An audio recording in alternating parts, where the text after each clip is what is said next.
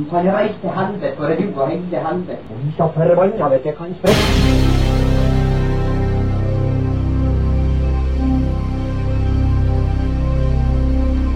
Satan og helvete og idioter.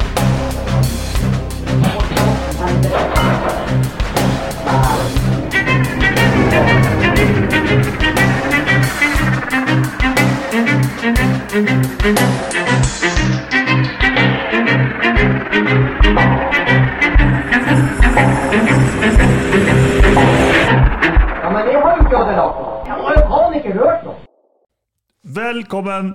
til tyskeren og tilflytteren. Jeg er tyskeren og heter Martin. Og jeg er tilflytter heter Alex. Og med oss har vi vår, den kjekkeste mannen i, på hele Mo. Viggy Vigleik. Hei sann. Jeg er her. Jeg er her. Du minner meg litt om Nick Diaz. Han er veldig sånn her rett frem. bare sånn her. Ja. Liker du å slåss? Nei. Uansett, dagens episode er sponsa igjen av Olsen dekk og felg, som alltid. Det begynner å bli kaldt. Jeg fikk høre fra Alex at det faktisk har vært den første frostnatta allerede. Ja. Det er jo katastrofe. Jeg er jo fortsatt i sommermodus. Er du det? Ja, jeg er faktisk Jeg, jeg har ikke helt Jeg har ikke slått meg til ro med at sommeren er over. Jeg ser for meg at du elsker vinteren, Nei, for da er det mørkt og trist. Jo, og... det liker jeg, men jeg liker ikke kulden, altså. Jeg, eh, Nei, det skjønner jeg. ja, nei. Du er ikke så isol isolert. Sant. You call me fat. Nei da. Uh, Fært Olsen dekk og felg. Enten kjøp nye dekk, dere kan kjøpe nye felger, dere kan få dekkhotell, dere kan få hva enn dere vil. Ikke bruk gammel gummi. Ikke bruk gammel gummi. Alltid bruk nytt. Ja. Hva er det som eh, skjer i dag, Alex, med tanke på innhold? Nei, uh, jeg pleier å si at vi er en dum podkast for smarte folk. Mm. Og jeg syns det er ganske bra. Vi, uh, vi diskuterte jo litt til å begynne med på, på alle de forskjellige tematikkene vi har hatt, og vi går fra uh, I dag skal vi jo ha et ganske seriøst tema, eh, som omhandler veteraner, PTSD og selvmordstanker. Um, og det er en kar da som heter eh, Niklas uh, Heimgard Dreyer. Jeg har vært eh, en del ute i media og snakka om plagene han har hatt etter å ha tjenestegjort i Afghanistan. Og det er ganske hissig.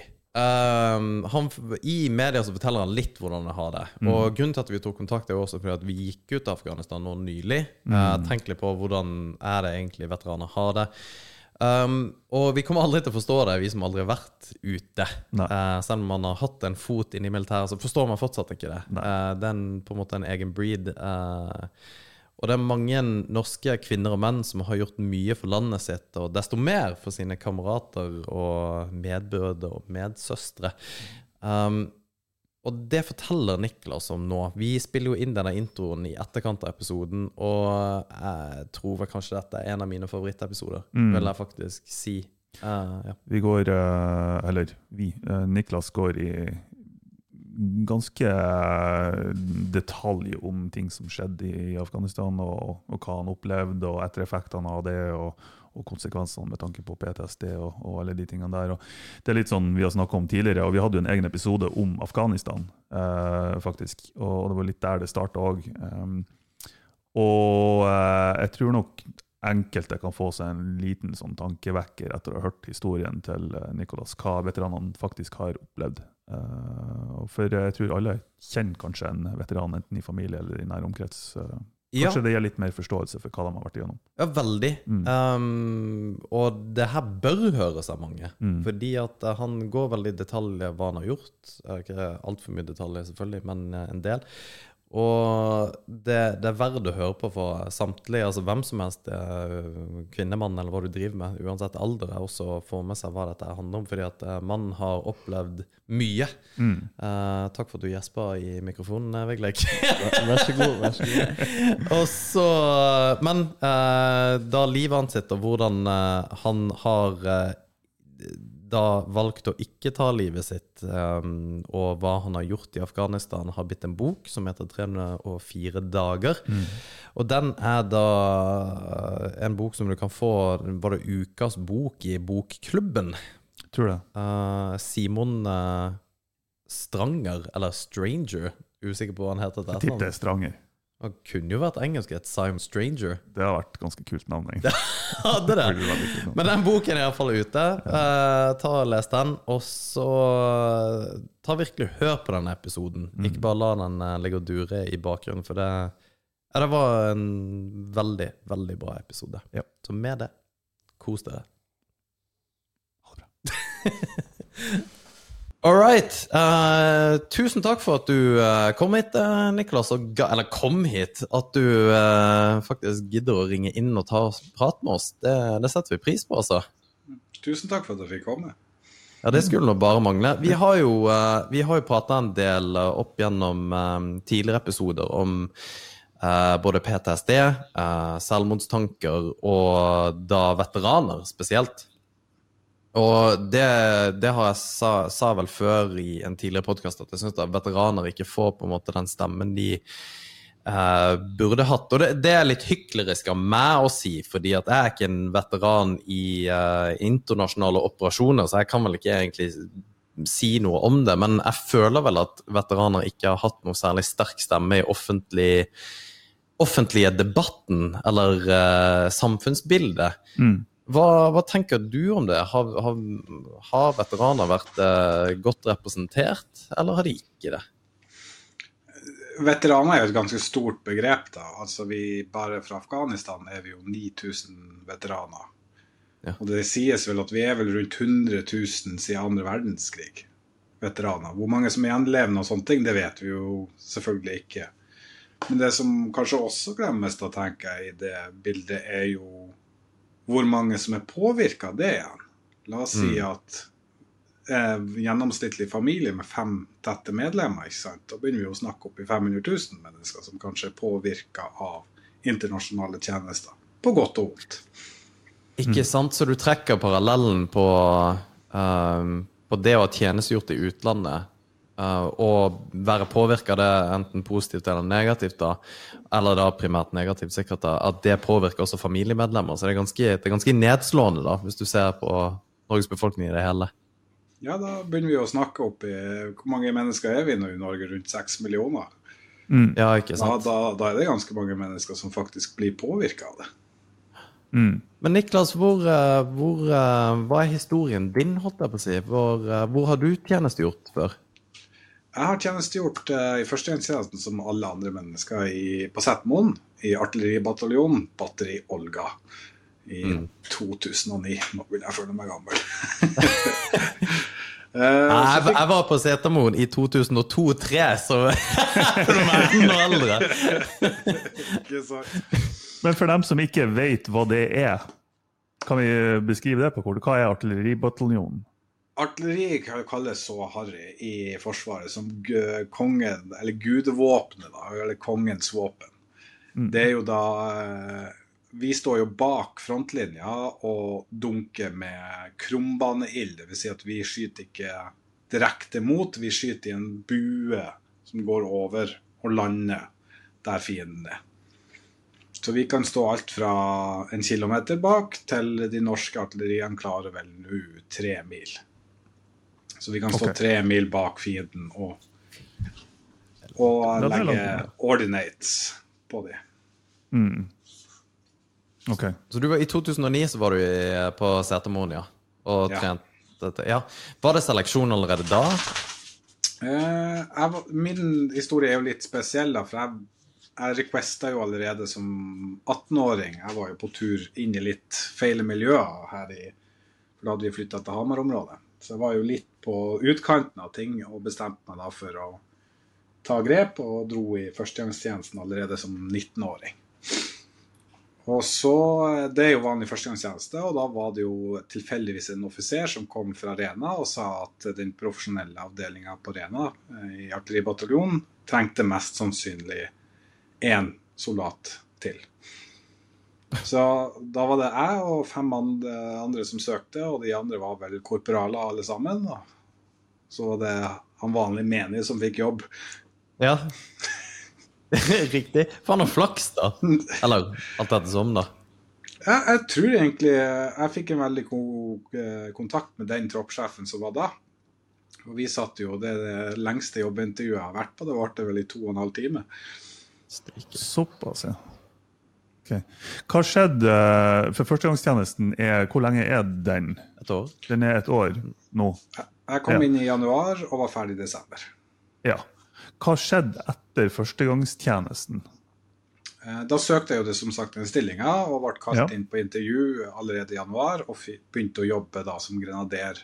Ja. Grenader er jo da verva soldat eh, på Rena. Ja.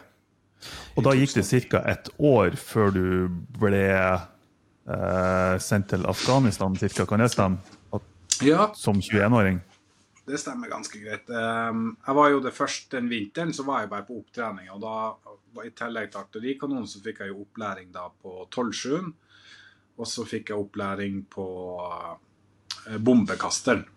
Mm. OK. Begge deler har jeg opplæring på, for øvrig. Ja.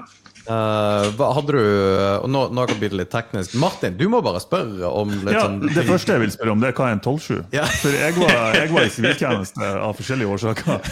Uh, Så vi, vi skjøt ikke med 12-7 på eh, Helgelandssykehuset. Okay, jeg, jeg, Gjorde du ikke? Nik Nei. ja. Nå skal jeg prøve med Niklas på en kjempe sånn her eh, Kanskje harry måte å forklare det på. på. Har du sett, eh, har du sett eh, Rambo 4? Nei. Selvfølgelig har du ikke det. Har du ikke Nei, det er bare det er, en, det er et jævla stort maskingevær. Det er kanskje det største Å ja, jo, nå vet jeg hva det er slags. Ja. Så det, det, er ganske, det er ganske heftig våpen, da. Ja, Og Det med belte og trommel, holdt på å si. en, trom, en, Ja, ja, en okay. bøtte, på en måte. Da er jeg med. Jeg henger med. Det- Og så var du bombekaster. Ja, du var også i bombekasteren. For å si det sånn, jeg er ganske stor mann. Cirka eh, patronen er fra tommelen opp dit, og det er ca. 12, eh, 12,7 cm.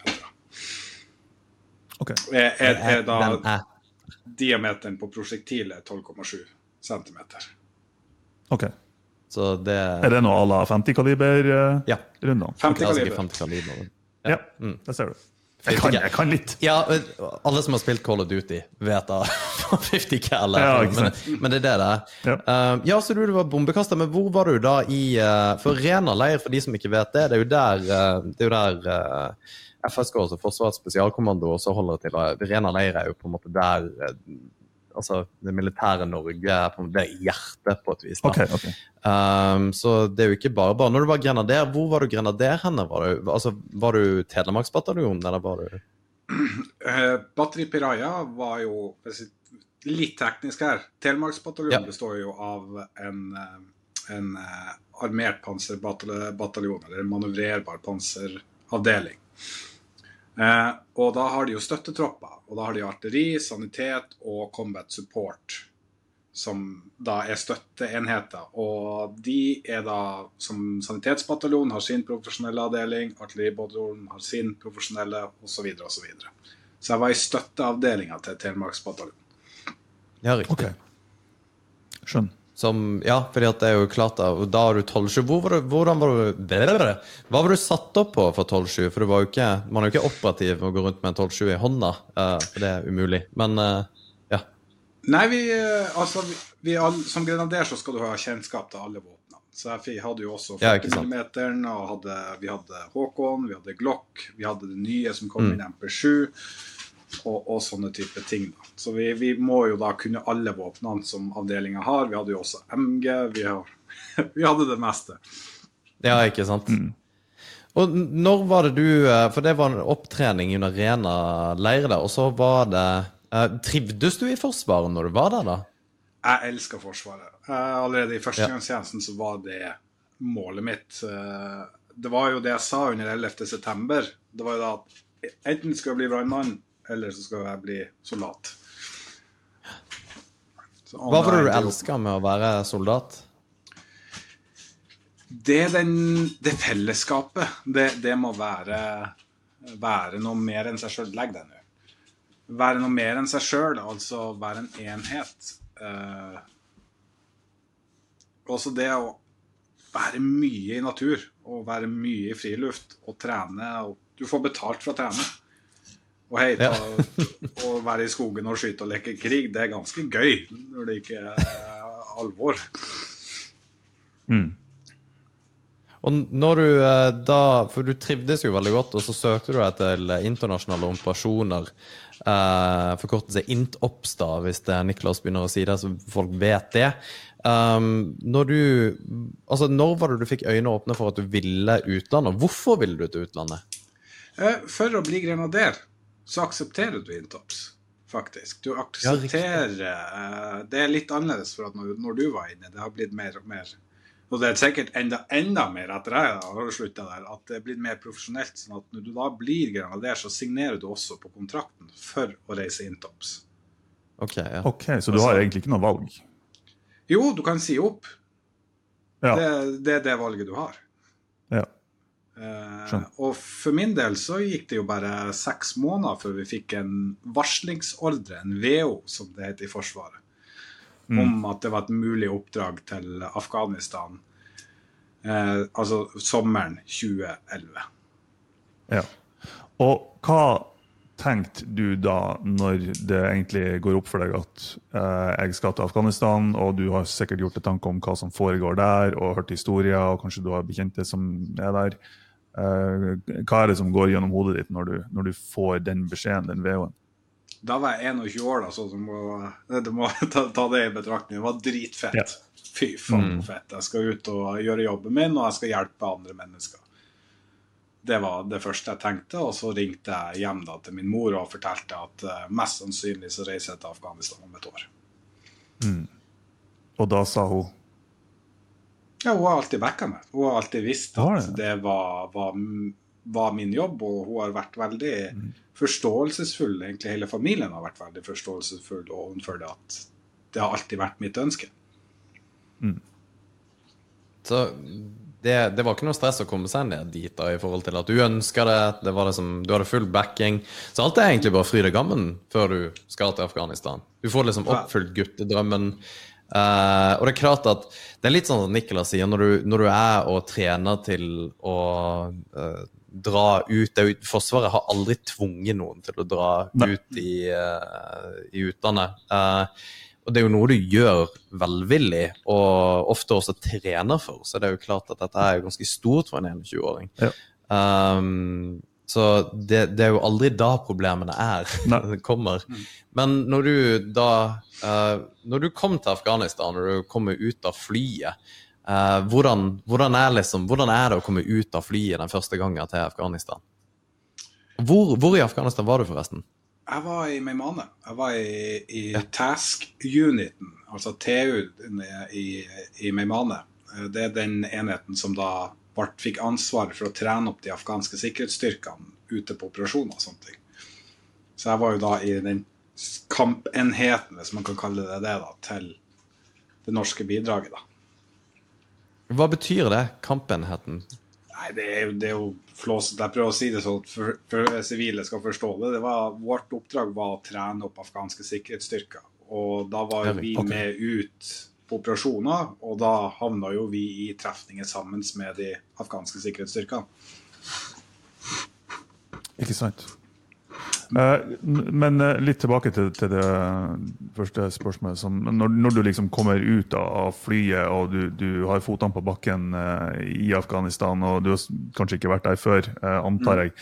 Eh, hva er liksom det første som slår deg? Hvilket inntrykk får du av, av plassen? rett og slett? Vi landa klokka sju om morgenen, og da gikk jeg ut på baksida av flyet. Det var en Boeing 737. Og det, det første som slo meg, bare Å, fy faen, hvor varmt det er. Å, fytti helvete. Jeg tror jeg tenkte at ja, det er sikkert flymotoren. Og så kommer jeg bort til bussen, og så er det like varmt. Så jeg bare Å, Jesus Christ. Da var jo klokka Da var jo allerede temperaturen oppe på 44 varmegrader på morgenen. Helvete. Og da blir vi shippa inn på buss. Gå ned, Bjørn. Da blir vi shippa inn på buss inn til Camp Nidaros. Der vi da henter ut våpnene våre, som er da flydd ned. Og så får vi beskjed om eh, Får vi glokken av pistolen. Og så får vi beskjed om å fylle to magasin. Og ett magasin skal med en gang rett inn i våpenet, og være, våpenet skal være halvladd inn i leir. For de sivile som det, det er da at du har et eh, magasinet med patroner i våpenet, men du har ikke i kammeret. Så våpenet, du må ta ladegrep på våpenet før du får ammunisjon inn i det. Og så gikk det ikke så lang tid. Vi gikk litt rundt der og var innom amerikanske PX og sånne ting. Og så fikk vi utlevert Håkon, og så ble vi shippa over til Meimane. Og da fløy vi en sånn Fokker 50. Fly. Det er nesten som Widerøe-fly. To propellsfly. Og Da fløy vi over, og det er den mest turbulente turen jeg hadde noen gang. Pga. fjellkjedene og varmevind og alt sånt, så det var jo sitte i en berg-og-dal-bane i en halvtimes tid før vi da lander Ja. på en grusrullebane. Da flyr vi ned i dalen og flyr innflygning, og da ser du jo da det er skyttergrav i hver, hver fjellkamp på veien inn, og du sitter der og bare Ja. Det Ja, er sant. enkelt å skyte oss ned her. Ja. Var skyttergravene deres, altså var det koalisjonen, eller var det Taliban?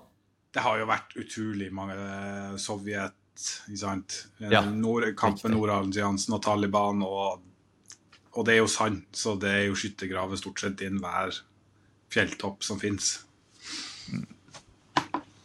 Og det, det er jo uh, en av de tingene som har gjort det veldig vanskelig med tanke på krig, eller krig i Afghanistan og eh, konflikter i Afghanistan. Det er jo eh, landskapet som er der. Og det var det russerne sleit med òg. Eh, de, de kom jo ikke noe vei fordi de hørte til oppe i fjellene, Taliban, og hva faen skal man gjøre? Eh, så så eh, hvordan kan du beskrive landskapet litt på, på der du landa med den Fokkeren? Eh, hvordan, eh, hvordan så det ut? Hvordan, var, det noe forskjell derifra der dere landa først? Hva Ja, inntrykk fikk du? Vi ser på et sånn stort, åpent slette med høye fjellsider. Liksom. Så det, altså, det er stor, åpent område. Det er jo der den blå moskeen er, blant annet, som er en pilegrims for uh, muslimer.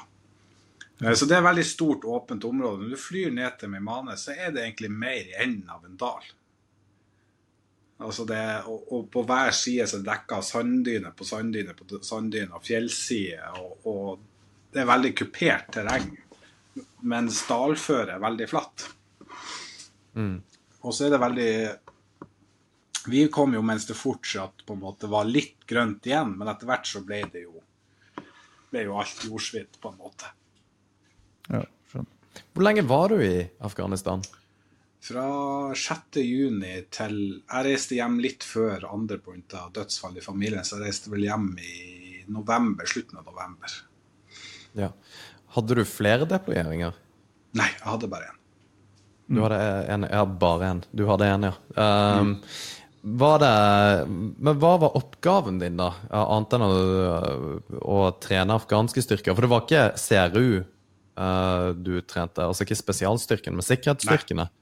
Vanlige afghanske hæren, grensepoliti og, og eh, Ja. politistyrker. Det var de vi bisto.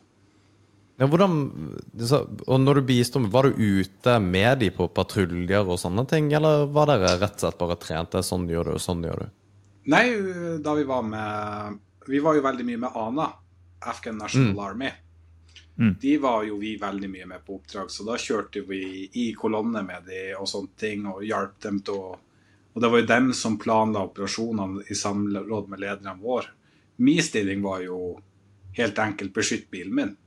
Jeg var jo skytter på bilen, så jeg sto jo jeg hadde jo bl.a. RVS i starten, før jeg gikk over på 12-7 senere i kontingenten.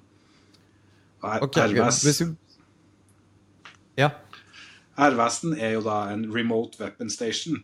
Så da sitter du jo inne i bilen med en dataskjerm og sånn joystick og sitter og styrer. Og da styrer du våpenet på taket. Men gikk du fra det til å stå i taket med 12-7, eller kom 12-7 før det? 12 kom på slutten av kontingenten. Jeg slet med å sitte i Jeg er en mann på 1,93 og å sitte i små italienske biler, det var ikke helt bra for ryggen i lengden. ja, riktig. For du var skytter, eh, og bare sånn at folk eh, forstår litt hva det vil si, fordi at dere, det var jo Da var du på toppen av eksempel en ja, Kan være en gelendervagen, men det var kanskje andre typer biler dere hadde da.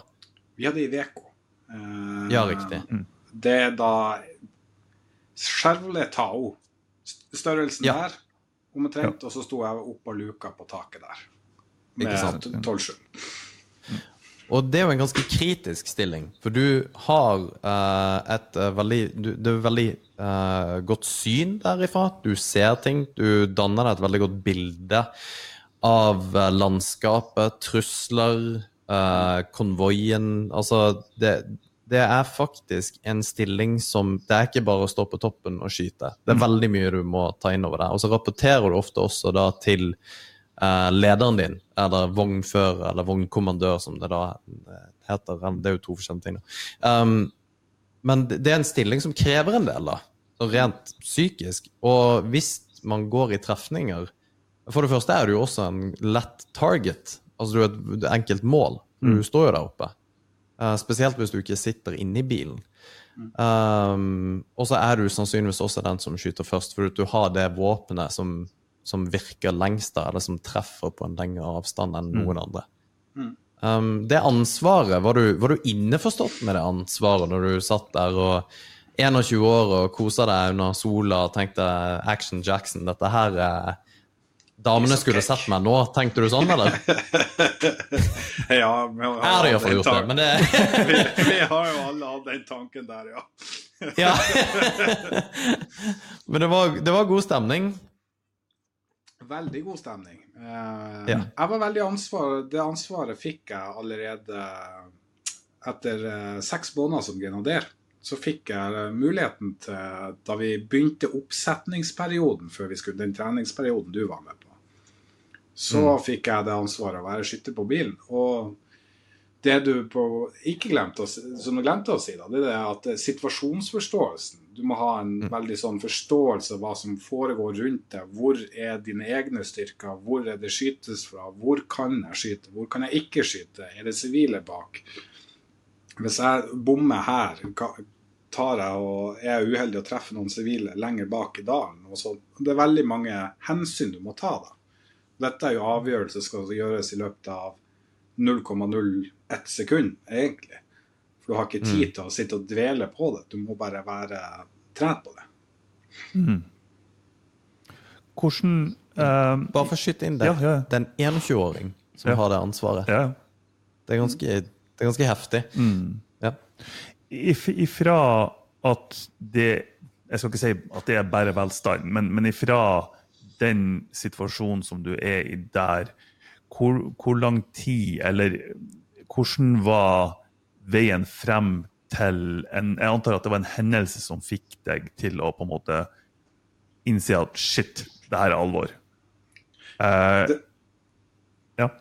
Det starta allerede faktisk med en gang vi landa i mai måned. Det gikk en dag, da var, da var Førtroppen som reiste ned på forhånd, var ute med et handover takeover-oppdrag med de gamle styrkene.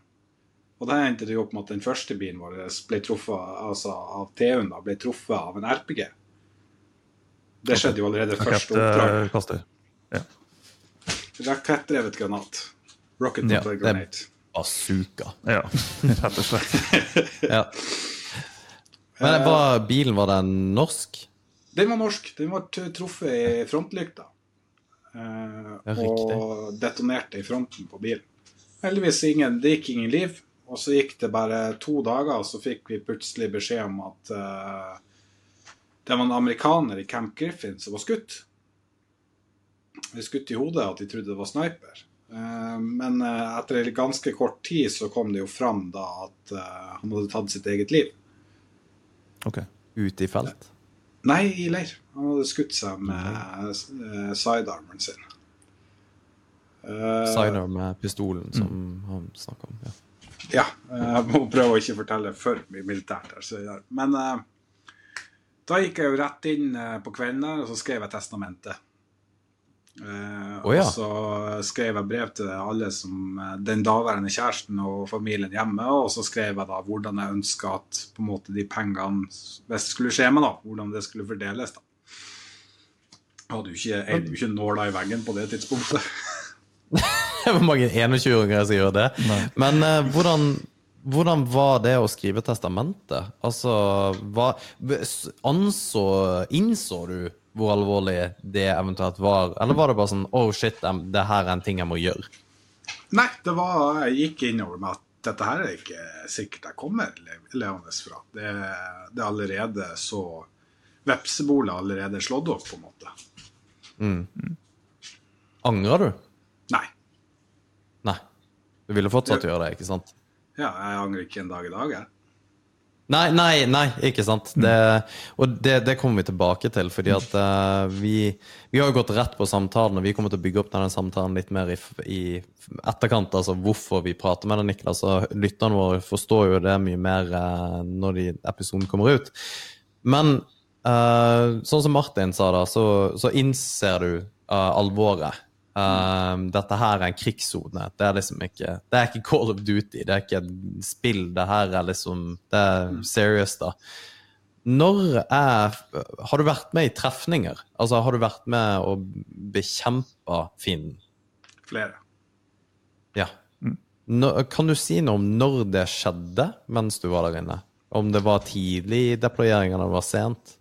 Første oppdraget vårt var jo bare et sånn ut på skytebaneoppdrag og skyte litt i fjellsida. Da var det skytebaneoppdrag. Oppdrag nummer to endte med at vi bekjempa Taliban i et hulekompleks. Det oppdraget var jo bare fire-fem dager etter vi kom ned. Så jeg ikke husker helt feil. Og da var det jo eh, fire netter med der vi kriga om natta og sov om dagen, mer eller mindre både Taliban og oss. Så det var utrolig. Det var Det høres kanskje litt flåsete ut å si, men det var rett og slett så mye ild og eksplosjoner på den fjellsida at eh, det nærmeste jeg kan beskrive det som, det er nyttårsaften. Hvorfor eh, Du sier dere kriger om natta. Hva, det første jeg tenker da, det er Taliban, lite utstyr, ikke noe høyteknologisk utstyr. Hvordan klarer de å treffe noe som helst i bekmørket? Eh, De prøvde jo sikkert å trekke seg ut av dalen, for nå sto jo vi nede i dalen og prøvde å, å jage dem ut. Så de hadde jo forskansa seg i et hulekompleks, og det er jo det hulekomplekset vi bekjemper. ja, ikke sant? Så de skyter eh, dag og natt på dere?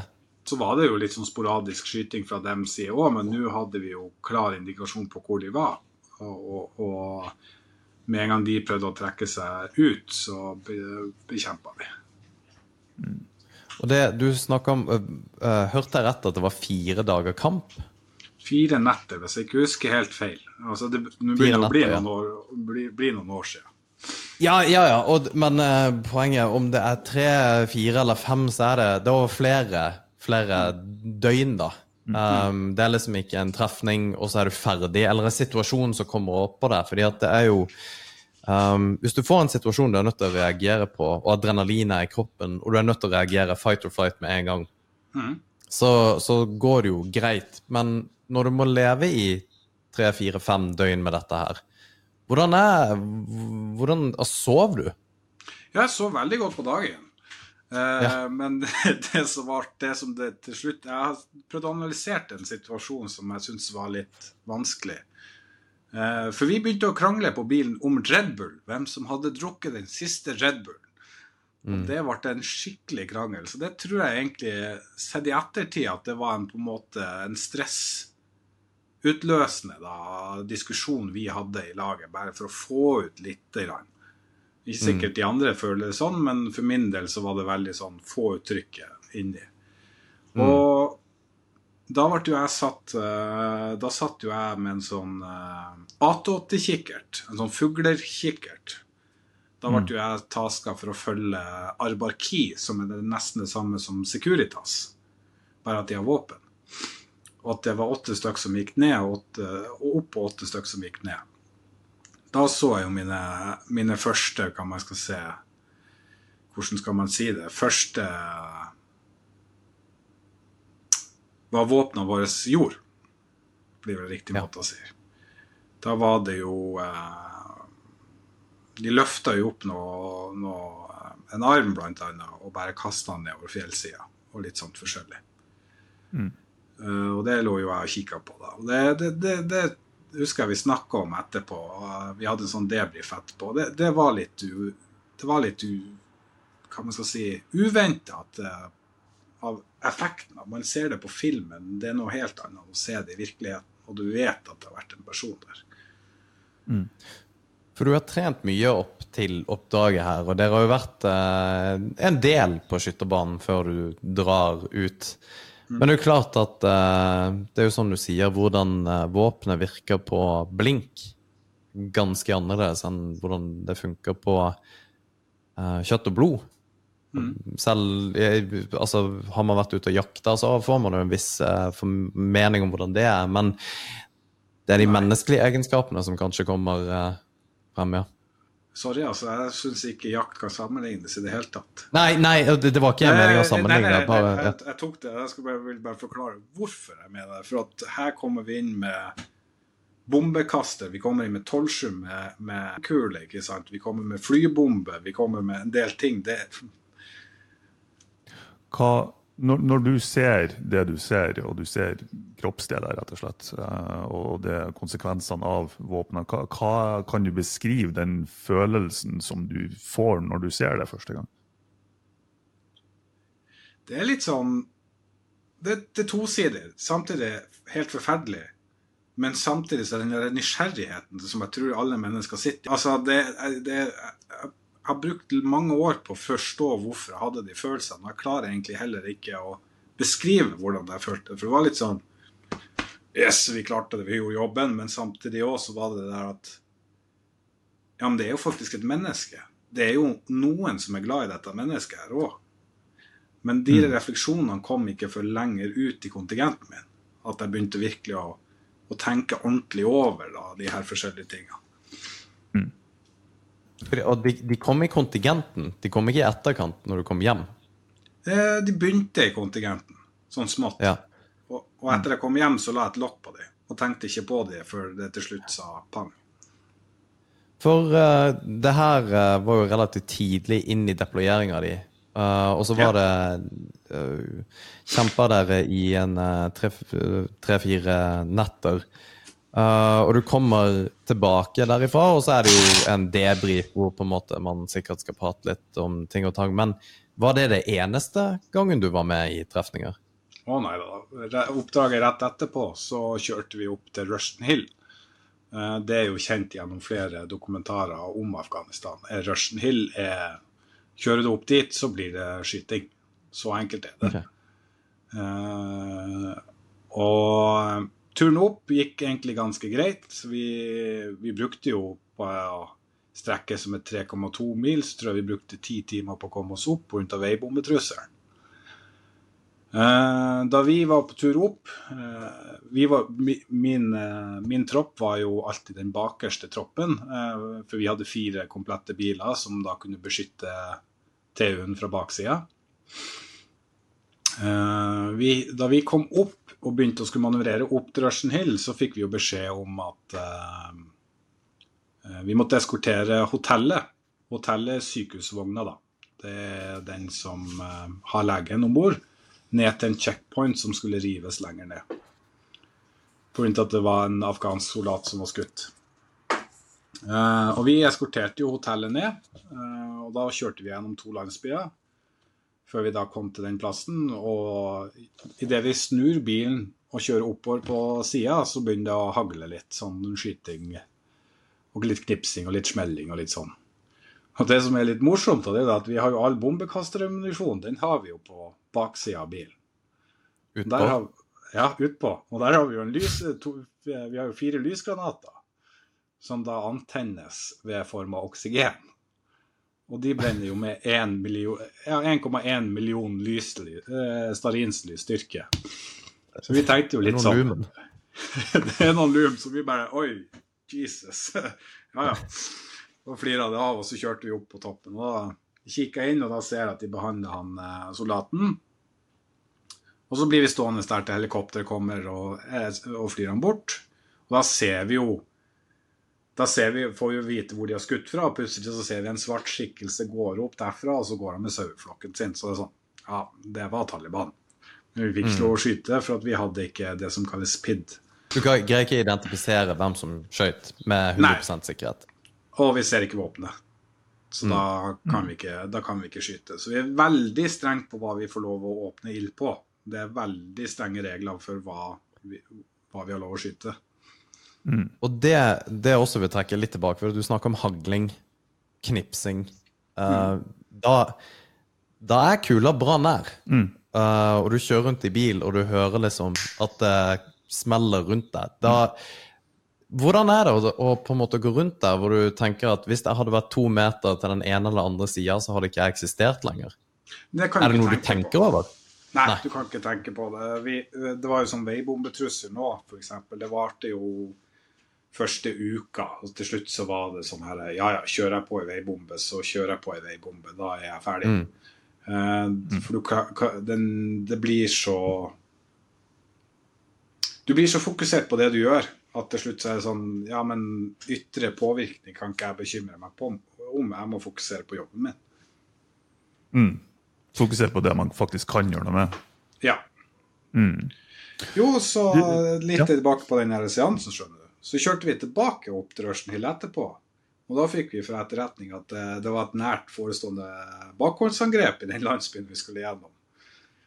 Så vi beiner jo på å kjøre gjennom en landsby, og speilene våre er vel sånn 10-12 cm fra hver side fra murkanten. Og der gruser vi gjennom i 60 km i timen. Og idet vi kommer eh, et, et, ned en elvedal, eller ned en dal og skal ut, så ser vi plutselig at veien er blank.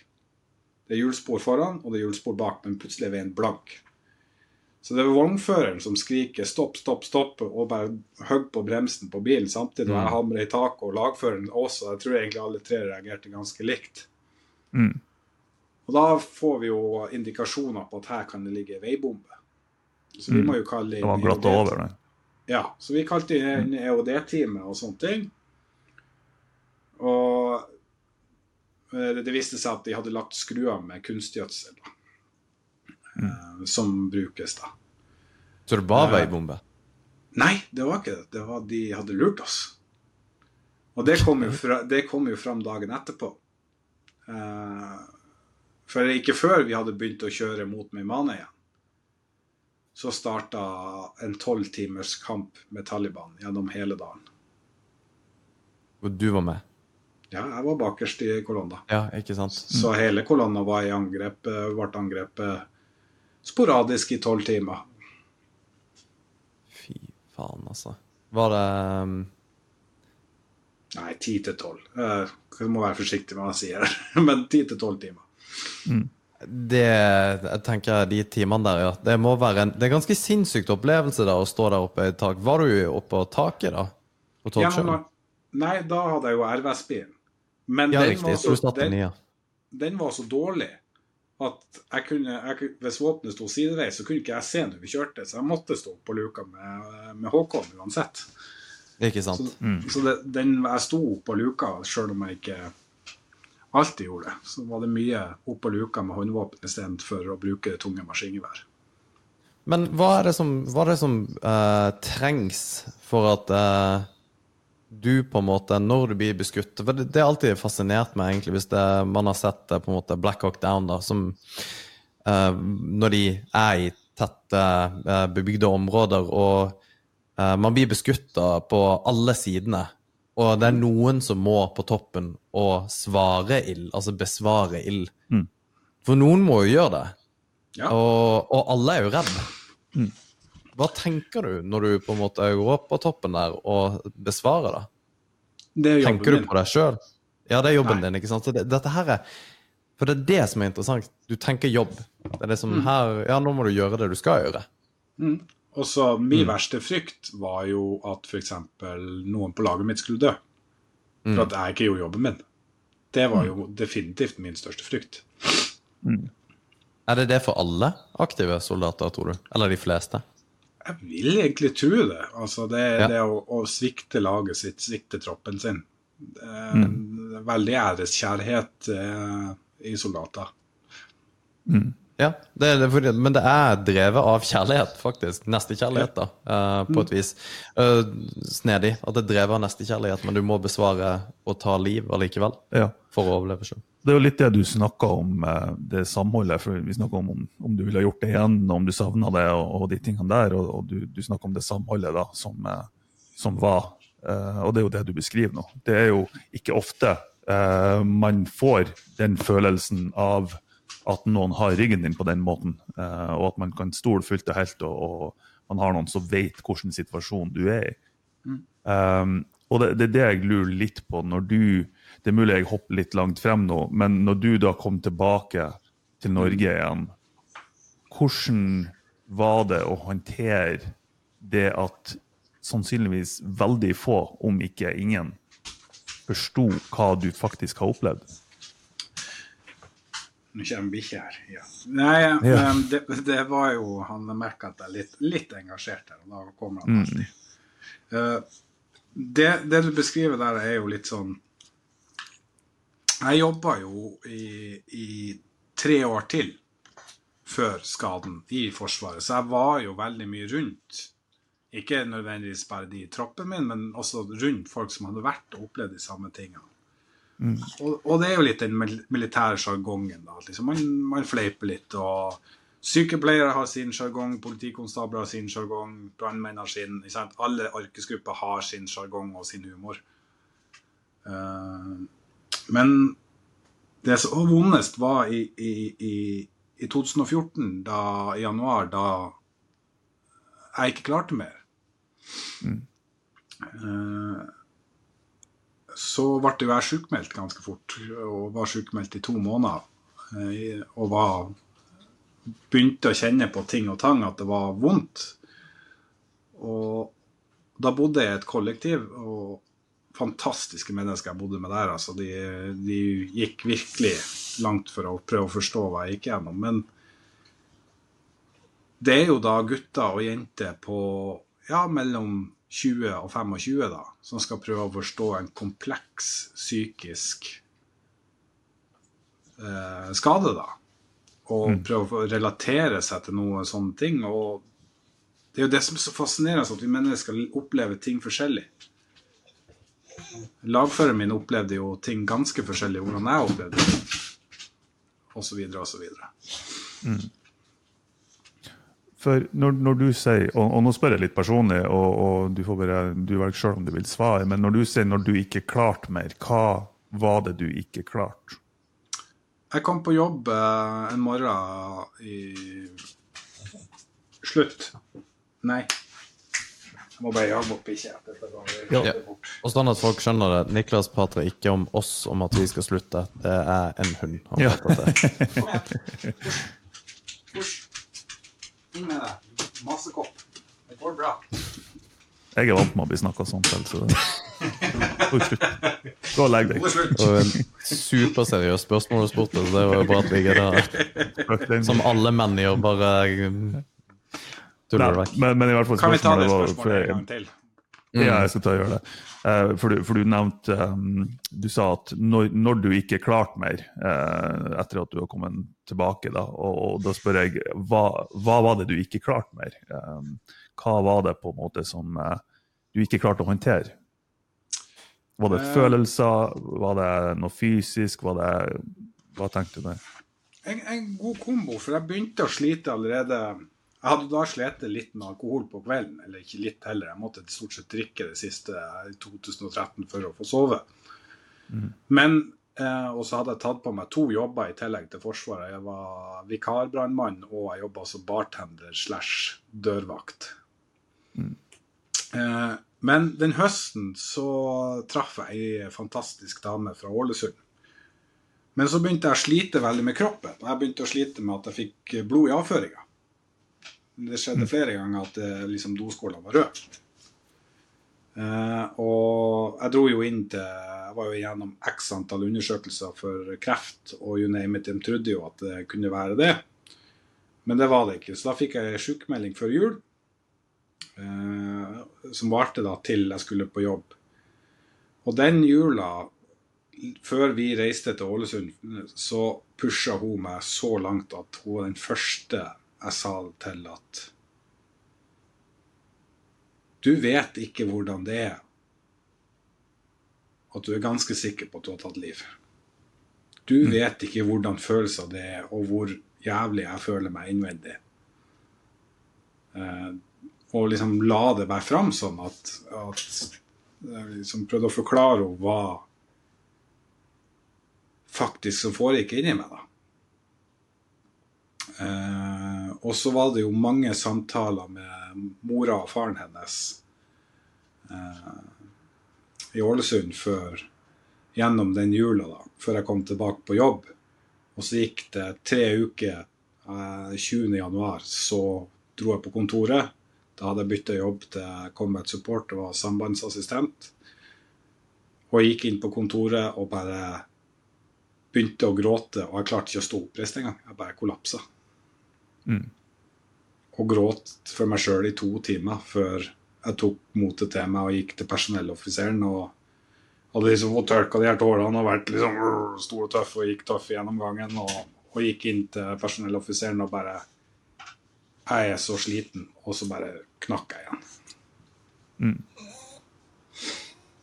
Og det var Var på grunn at du var ganske sikker på at eh, Det her trenger du ikke svare på, men det var fordi at du uh, sannsynligvis hadde tatt liv, eller at du trodde iallfall at du hadde gjort det. Ja, sannsynligheten er jo der. Ja. Uh, Den er ganske stor òg. Ja. Eh, Nå mener det jeg tenker liksom at For dette er jo kanskje det bildet mange sivile har da, om de type tingene, er jo at dette er tøft og, og dette er kjent kult og sånne type ting. Noen mennesker takler jo dette veldig bra, andre mennesker tenker mye om det. Eh, Jeg syns jo ikke det spørsmålet egentlig er noe fint, for at altså det For det kan komme veldig skrytende ut, da. Eh, Jeg er veldig redd for at folk skal oppfatte det som skryt, for dette er jo på mange måter noe man har gjort de tingene man har gjort. Det er jo noe man er stolt over, men samtidig må leve med resten av livet av konsekvensene av. da. For jeg gjorde jo jobben min. Jeg beskytta jo laget mitt, og det er jo det som var viktigst eh, for meg. Så, ikke sant, så når veldig mange sivile spør har du, har du, har du drept noen, um, ta det og vekke ting i deg. Den går du tilbake altså, du, du virker veldig avbalansert når du får spørsmålet. Men det er det, det er det som er utløsende faktoren for det, det å slite, at du faktisk har tenkt på at dette her eh, At du har tatt et liv, da. Er det noe du lever med i dag? Jeg har um, Altså, jeg kan jo aldri være sikker. Eh, Det vil jeg ha sagt. Så at jeg er jo ikke sikker. Men jeg har en indikasjon på at jeg har gjort det. Og, og, og jeg brukte mange år etter skaden kom fram på å tilgi det, faktisk. Tilgi meg, tilgi sjøl. Liksom Ikke for at jeg ikke gjorde jobben min, og ikke for at jeg gjorde noe ulovlig, for jeg gjorde alt riktig. Men det å ta livet Eller mulig ta liv, er jo Normalt så blir du jo bura inne for det. Mm. beklager et dumt spørsmål, uh, fordi at jeg har ikke vært der. Men når du gjorde alt det rette, og du passa på gjengen din, og du hadde på en måte hjemmel eller mandat til å gjøre det du gjorde, hva er det med det å ta liv, livet, selv om det høres uh, helt obvious ut, men hva er det med det som, som var vanskelig å takle? Um, jeg skammer meg mye over å ha de følelsene. Jeg skammer meg mye over å reflektere rundt det at det, Sånn som vi to sitter og snakker nå. Jeg kunne ha sittet sånn med han. Hadde mm. omstendighetene vært helt annerledes, kunne vi to sittet og drukket en øl i lag, f.eks. Uh, og så er det det at man hva man skal si man, Det er noe endelig med en død som kan man si blir Man får ikke reversert det. Ja, Og det er noe endelig med det. og da man, man har jo satt et punktum. Steike. Det er ganske sterkt, altså. Det, for noen som ikke har peiling. Og det er mange som ikke vet hvordan det der er, heller. Men eh, det, det var vanskelig å takle det der, Niklas. Og du eh, For du har jo vært åpen om eh, eh, selvmordstankene i ettertid. Var det en grunn til at du hadde selvmordstanker, var at du hadde tatt liv? Nei, det var helt til slutten i kontingenten, så var vi i et eh, ganske kraftig ildoverfall i en landsby som heter og, og, og det var så intenst. Nå har jeg jo skjønt hva det var for noe. Det var så intens trefning i starten at kroppen skrudde seg av. For vi har jo tre nerve, urnervesystemer i, i kroppen. Ponomogame nervesystemet, som er instinktene våre. Og det skrudde seg av. Eh, Jeg aksepterte å dø der og da. Jeg aksepterte at nå kom jeg til å dø. Eh, Da jeg gikk opp på luka igjen, så sa jeg, da hadde jeg jo bytta til 12-7. Da sa jeg jo til, til shopsjefen, jeg vet aldri om han har hørt det, men takk for alt og hils alle hjemme og si at jeg er glad i dem.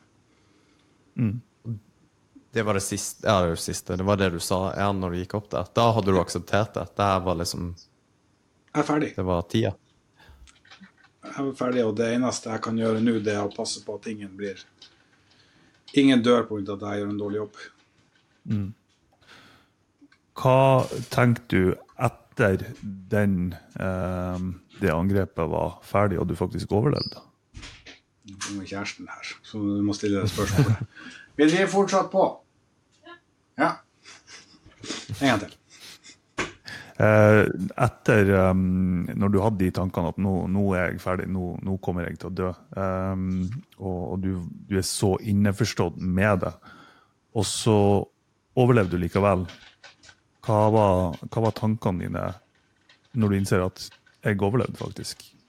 Ja, det var gledesrus. Fytti grisen for den. eh, For en rush av endorfiner, adrenalin og alt det som Det går ikke an å beskrive det. Jeg hoppa fallskjerm før Afghanistan, men uh, det kan faktisk ikke sammenlignes. Det var Ja, du lever. Ja. Det er jo Ja. Og det, det er jo mange som går rundt og ikke kjenner på det, selv om de gjør det. Så det er ganske spesielt. altså Du har jo, du har jo kjent på ganske mange, et ganske bredt spekter av et følelsesregister. da. Ifra å være langt nede, være høyt oppe. altså Du, du har kjent på følelser som veldig, veldig mange aldri kommer til å kjenne. Forhåpentligvis aldri det negative, men de positive sannsynligvis aldri heller. Du, det er jeg faktisk vanvittig takknemlig for. Eh, Det, Ja. Hvor banalt det faktisk høres ut, så er jeg faktisk utrolig takknemlig for å ha opplevd helt det mørke. Ja. Til det, liksom, det, det er så svart at du, du, du ser ikke lys engang. Du ser ikke et stearinslys. Ingenting. Det er helt mørkt. Til å være helt i andre skalaen. For normale mennesker lever jo kanskje i den midtfasen hele livet sitt. Men jeg har fått sett ytterpunktene av livet, da. Du må jo gjøre noe med det. Altså i den forstand at du Du er ganske klok på livet, egentlig. Når du har Du har kjent på alt. Du har liksom ikke bare gjort sittet på kontoret eh, resten av livet fra du på en måte nesten Ja, fra skolebenken inn på kontoret, da, og der ber du til du var pensjonist og gikk bort. Du har på en måte levd litt ytterpunkter. Det, Altså det, det er fristende å si at det er spennende, Eh, og det er det jo faktisk på et vis. Selv om det er jo veldig mange ting du har opplevd som, som er kjipe, da. Men det, det er vel også et, det, er jo, det er jo det livet er. Eller bør være, i hvert fall. De tank... Ja. Nei, jeg tenker at Eh, det er nydelig. jeg, jeg tenkte egentlig å, å gå litt tilbake til de, de, de de nedturene, eller den nedturen som du hadde. Eh, og, og som Alex uh, nevnte så vidt, du har jo vært åpen om det, og, eh, med tanke på selvmord eh, og, og ta sitt eget liv der. Og, og det er jo på en måte Det kan ikke, det kan ikke bli djupere høl enn det, egentlig, eh, når man snakker om mørket. Um, når var det du bestemte deg? For du hadde vel i bunn og grunn bestemt deg når du tok en telefon til mora di? hadde du ikke det? Ja, eh, nå er jo eh, boka som kommer nå, er jo en roman. Eh, så noen ting er jo ikke helt reelt, og det har vi jo gjort konsekvent, faktisk, for å distansere. Men jeg vil gjerne fortelle den, den reelle eh, storyen nå, som dere kan få den. Det er jo det at eh, Dette var jo vel mars-april. Da hadde jeg vel gått flere Det var jo første runde jeg hadde ordentlig selvmordstanker. Det var jo da at Jeg sov jo ikke på fem døgn, for med en gang jeg sov, så kom jo Afghanistan. Og jeg ble jo redd for å sove. For jeg ble redd for å kjenne på de følelsene. Eh, Så dette var vel etter fire døgn etter uten søvn eller noe, så gikk jeg ut bak, bak, eh, bak i hagen, og så gikk jeg over snøen og over skiløypa, og så fant jeg meg ei furu. Så tok jeg det blå klatretauet jeg hadde, og knøyt opp i furua. Eh, Og bestemte meg egentlig for at nå er nok nok, og nå gidder jeg ikke mer. Men så kommer det jo inn Jeg måtte jo ta den telefonen, for det hadde vi jo faktisk et eh, løfte om i vår familie, om at det er helt greit å ta selvmord, men du må i hvert fall si fra. Var det et løfte? Det var et løfte som vi måtte som Vi, vi snakka mye rundt det når jeg var sånn 13-14. At liksom okay. For det var noen i Det var noen eh, Det var noen i der jeg kommer fra. Jeg vil ikke helt si hvor jeg er fra. Så det var Ja. noen der jeg kom fra, som bestemte avslutta livet sitt. Så det var på Det var en, en slags uskreven regel i familien på bakgrunn av det som skjedde, Ja. om at eh, hvis man noensinne er der, så er det OK, men ta en telefon. ja. Ok. okay. Så min mor har jo vært utrolig sterk på mange måter på de tingene der. Uh, og så gikk det jo uh, gikk det jo ganske bra en periode. Og så på høsten så fikk jeg en ny sånn runde. Og så var det jo i forbindelse med at farmora mi døde i og begravelsen og på veien hjem der med altfor mye alkohol, at jeg da innså at nå nærmer jeg meg virkelig eh, sluttkapitlet her. Så da hadde jo McDonald's åpna opp i Brumunddalen, der jeg bor nå. Så da tok jeg og inviterte min mor på middagsdate på McDonald's. og vi, vi kjørte ned, og, jeg plukka opp i det huset jeg bor i nå, for det var de som eide det før. Og så kjørte vi ned på McDonald's, og så kjørte vi drive-in, og så bestilte vi mat, og så satte vi oss utafor 24-timeren og prata. Og da snur jeg meg til henne så sier jeg, du, mamma, jeg, jeg klarer ikke mer. Jeg er utslitt. Jeg får ikke til å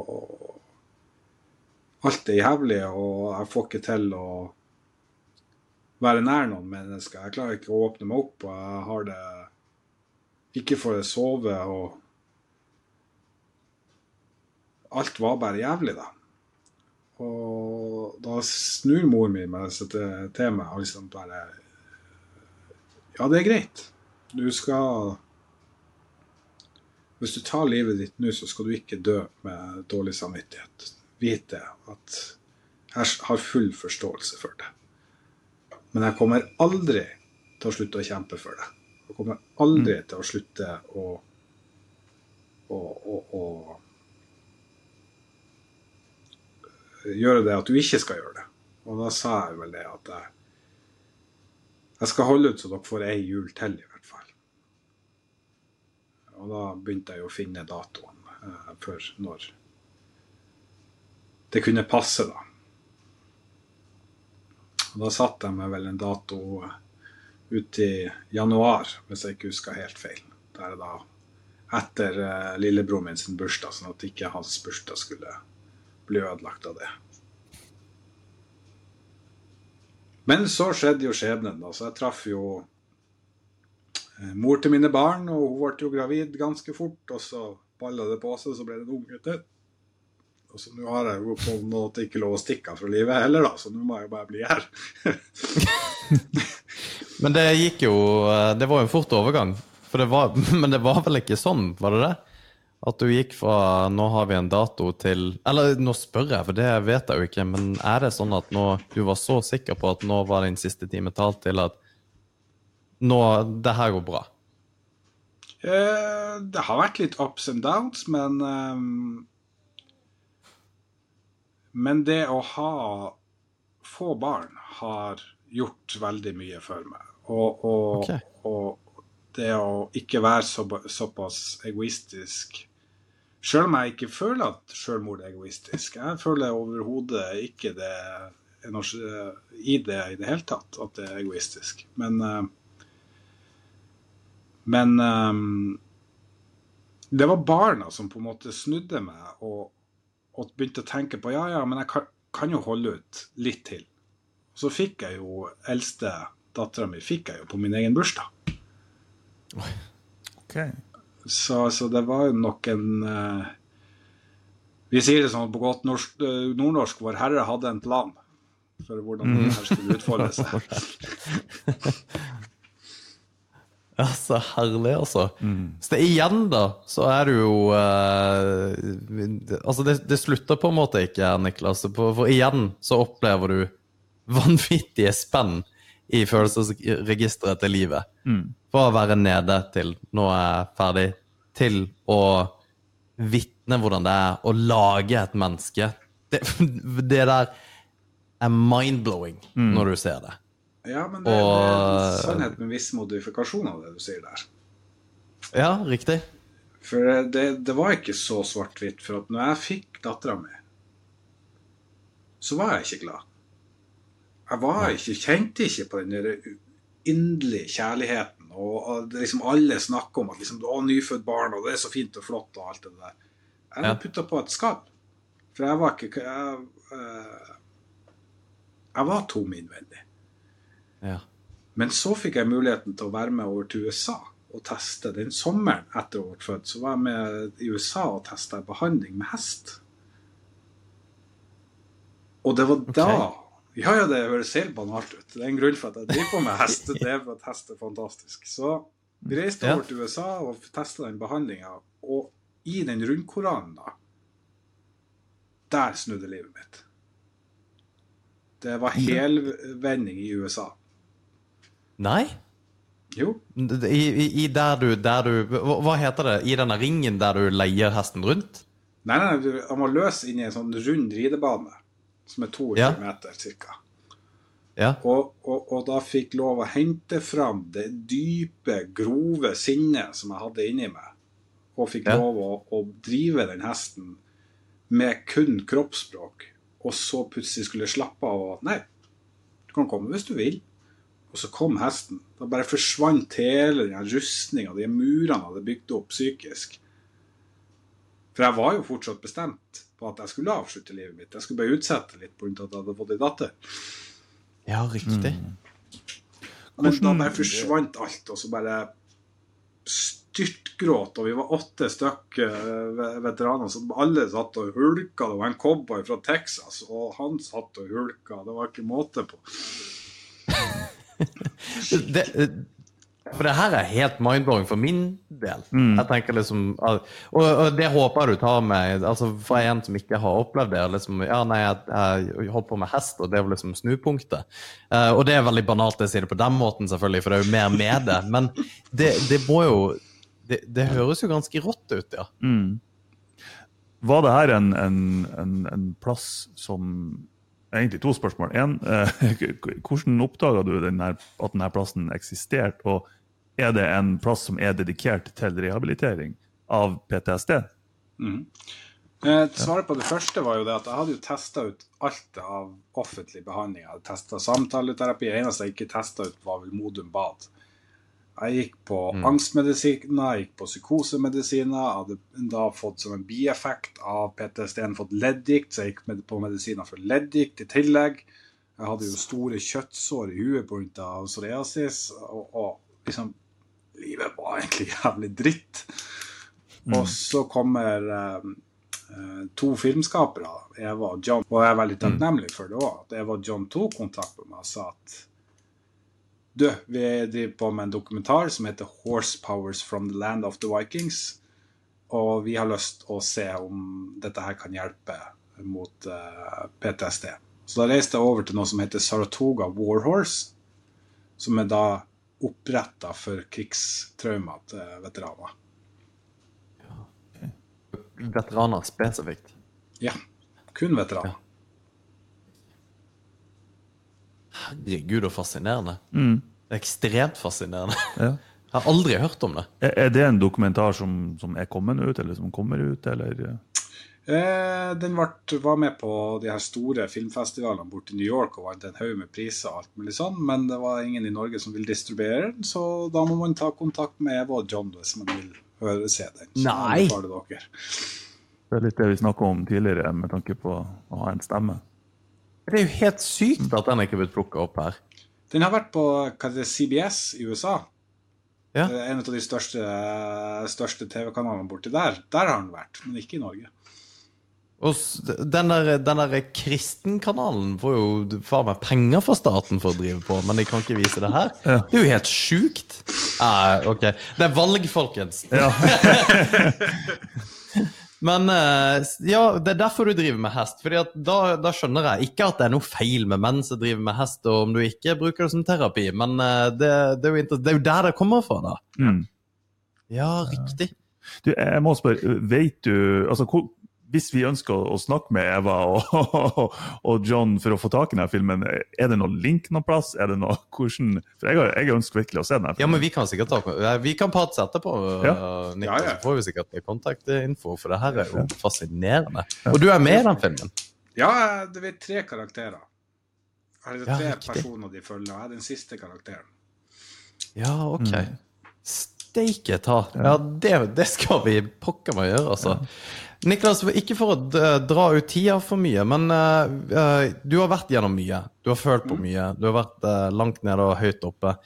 Hva var det som uh, Hvis det er noen som sliter med det samme um, Det er litt, litt eh, urettferdig å spørre, har du noen tips, men eh, hva er det som kan funke da for noen som kanskje er i en så, sånn situasjon, eller noen som er pårørende med venner eller familie.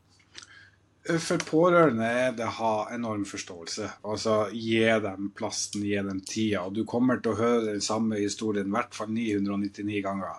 Gang på gang på gang. Men bare la dem få lov å blåse ut og få aksept for det. For at uh, det, det er ganske vondt å sitte med de følelsene. Sjøl om det kanskje er bagate- bagateller, for så er det for den personen kanskje forskjellen på liv og død. Og jeg kan ikke anbefale å gjøre folk det samme som jeg gjorde, for jeg kasta alt av medisiner i dass og bare bestemte meg for at nå skal, skal jeg bli frisk. Jeg skal, skal fungere. Så jeg reiste jo ned til Slottenberg i Sverige, og så satte jeg meg utenfor Systembolaget, og så hadde jeg jo angstanfall, og jeg ga meg ikke Jeg reiste aldri hjem før angstanfallet ga seg. Så jeg er fryktelig sta når jeg først setter hjernen min på det. Ja. Ja, men det har jo lønt seg, ser det ut som. Men ta hjelp. Det er altså Ikke vær redd for å spørre om hjelp. Altså, er det andre k- veteraner, så må de bare hjertelig ta kontakt med meg, så kan jeg hjelpe til å, å ta og gi dem eh, kontaktnettverket som jeg har, for å få hjelp. Ja, det tror jeg, eh, det tror jeg kan hjelpe mange, for vi vet det er mange som sliter. Ja. Eh, Det er det. Og det er ikke alle som får den hjelpa de trenger, og det er ikke alle som vet helt hvor de kan begynne å lete etter den hjelpa heller. Og de må gjerne ta kontakt med oss òg, så kan vi jo eventuelt gi det videre til Niklas. For det er jo ikke bare bare. Så det og, og hvor kan, de henvende seg til noe? Er det et apparat som tar de imot, eller er det, er det Stressmessig time til Forsvaret er en Ja. plass. Så har du jo kommunelegen, eh, og så har du jo kontaktnettverket som SIOPS har, som er en del av. Uh, vi er jo personer som hjelper til da, for å hjelpe til å manøvrere det her systemet. For at uh, det er jo ingen tvil om at det statlige systemet som Nav og Statens pensjonskasse gjør jo faktisk veteranene sykere eh, på flere punkter. Mm. Og da er det godt å ha noen som har vært gjennom løpet, som kan Ja, men dette går fint. Det tar tid, og du må gjøre det sånn og sånn. Av at de må ha det inn på sitt firkanta A4-direktiv. mm. Ja, Det det, det blir et vært- nytt stressmoment ikke sant, for å Den største kampen jeg hadde, er ikke PTSD. Den største kampen Det er offentlig. jeg hadde, er Nav og Statens pensjonskasse. Mm, Ja. Steike ta, altså. Ja. da, da har vi en jobb å gjøre der, altså. Det, Jo, jeg har jo jobba i staten, og det vet jeg jo. Det er jo helt vanvittig. Det er jo ofte Man skal være for folket, mm, men ofte så er det så rigide lover og regler i hele pakka at det er jo de som har ting på G, som får det enkelt, og de som ikke har det, som eh, får det vanskelig. mm. Nei, steike. Hele den uh, historien som vi egentlig har snakka om nå, eller de temaene vi har vært innom, det er jo nedfelt i ei bok. Uh, 304 dager. Mm. Uh, hvor eh, den, er, den er halvt eh, faktabasert og halvt fiction, kan vi si det? Ja, bortimot. Hvorfor folk kjøpt den boka for å lese om, eh, lese om det du har opplevd, og, og litt attåt? Ja, nå har jeg jo hørt at det skal være hovedboka til Bokklubben. Og så Ok. er- får du jo kjøpt den på ark. Ja. Og så får du jo også kjøpt den på veteranbutikken eh, på nett. Veldig bra. Da vet folk hvor de skal klikke den for å Og det som er litt kult, da, som jeg syns oppi alt dette her, det er jo det at jeg skal faktisk på turné og reise rundt på videregående skoler og fortelle om Ja, det skal du jo. psykisk helse. Mm. Det er nå i Det- høst. Ja, det er nå i høst og på vårparten. Så det gleder jeg meg jo veldig til, for å liksom Gutter, menn, vi er jo legendarisk dårlige på å prate om følelser. Mm. Og vi bygger oss jo et skall. Så jeg har litt lyst til å være den som forteller de her unge guttene, kanskje de som sliter i puberteten og sånne ting, at ja, men det går bra. Se her, jeg har stått der. Jeg står her nå Mm. og forteller deg at dette går fint. Du hjelper mange, Niklas, med å være så åpen, da. Det må jo også gi en slags vilje til å fortsette med det. Med en gang jeg ble skada, eller skaden kom fram, da, så bestemte jeg meg med en gang at nei, min historie skal jeg bruke til å hjelpe andre. Mm. Det var jeg veldig bevisst på med en gang. Mm. Gir det deg en, en, eh, en indre glede, eller gir det deg mer energi å, å gjøre det?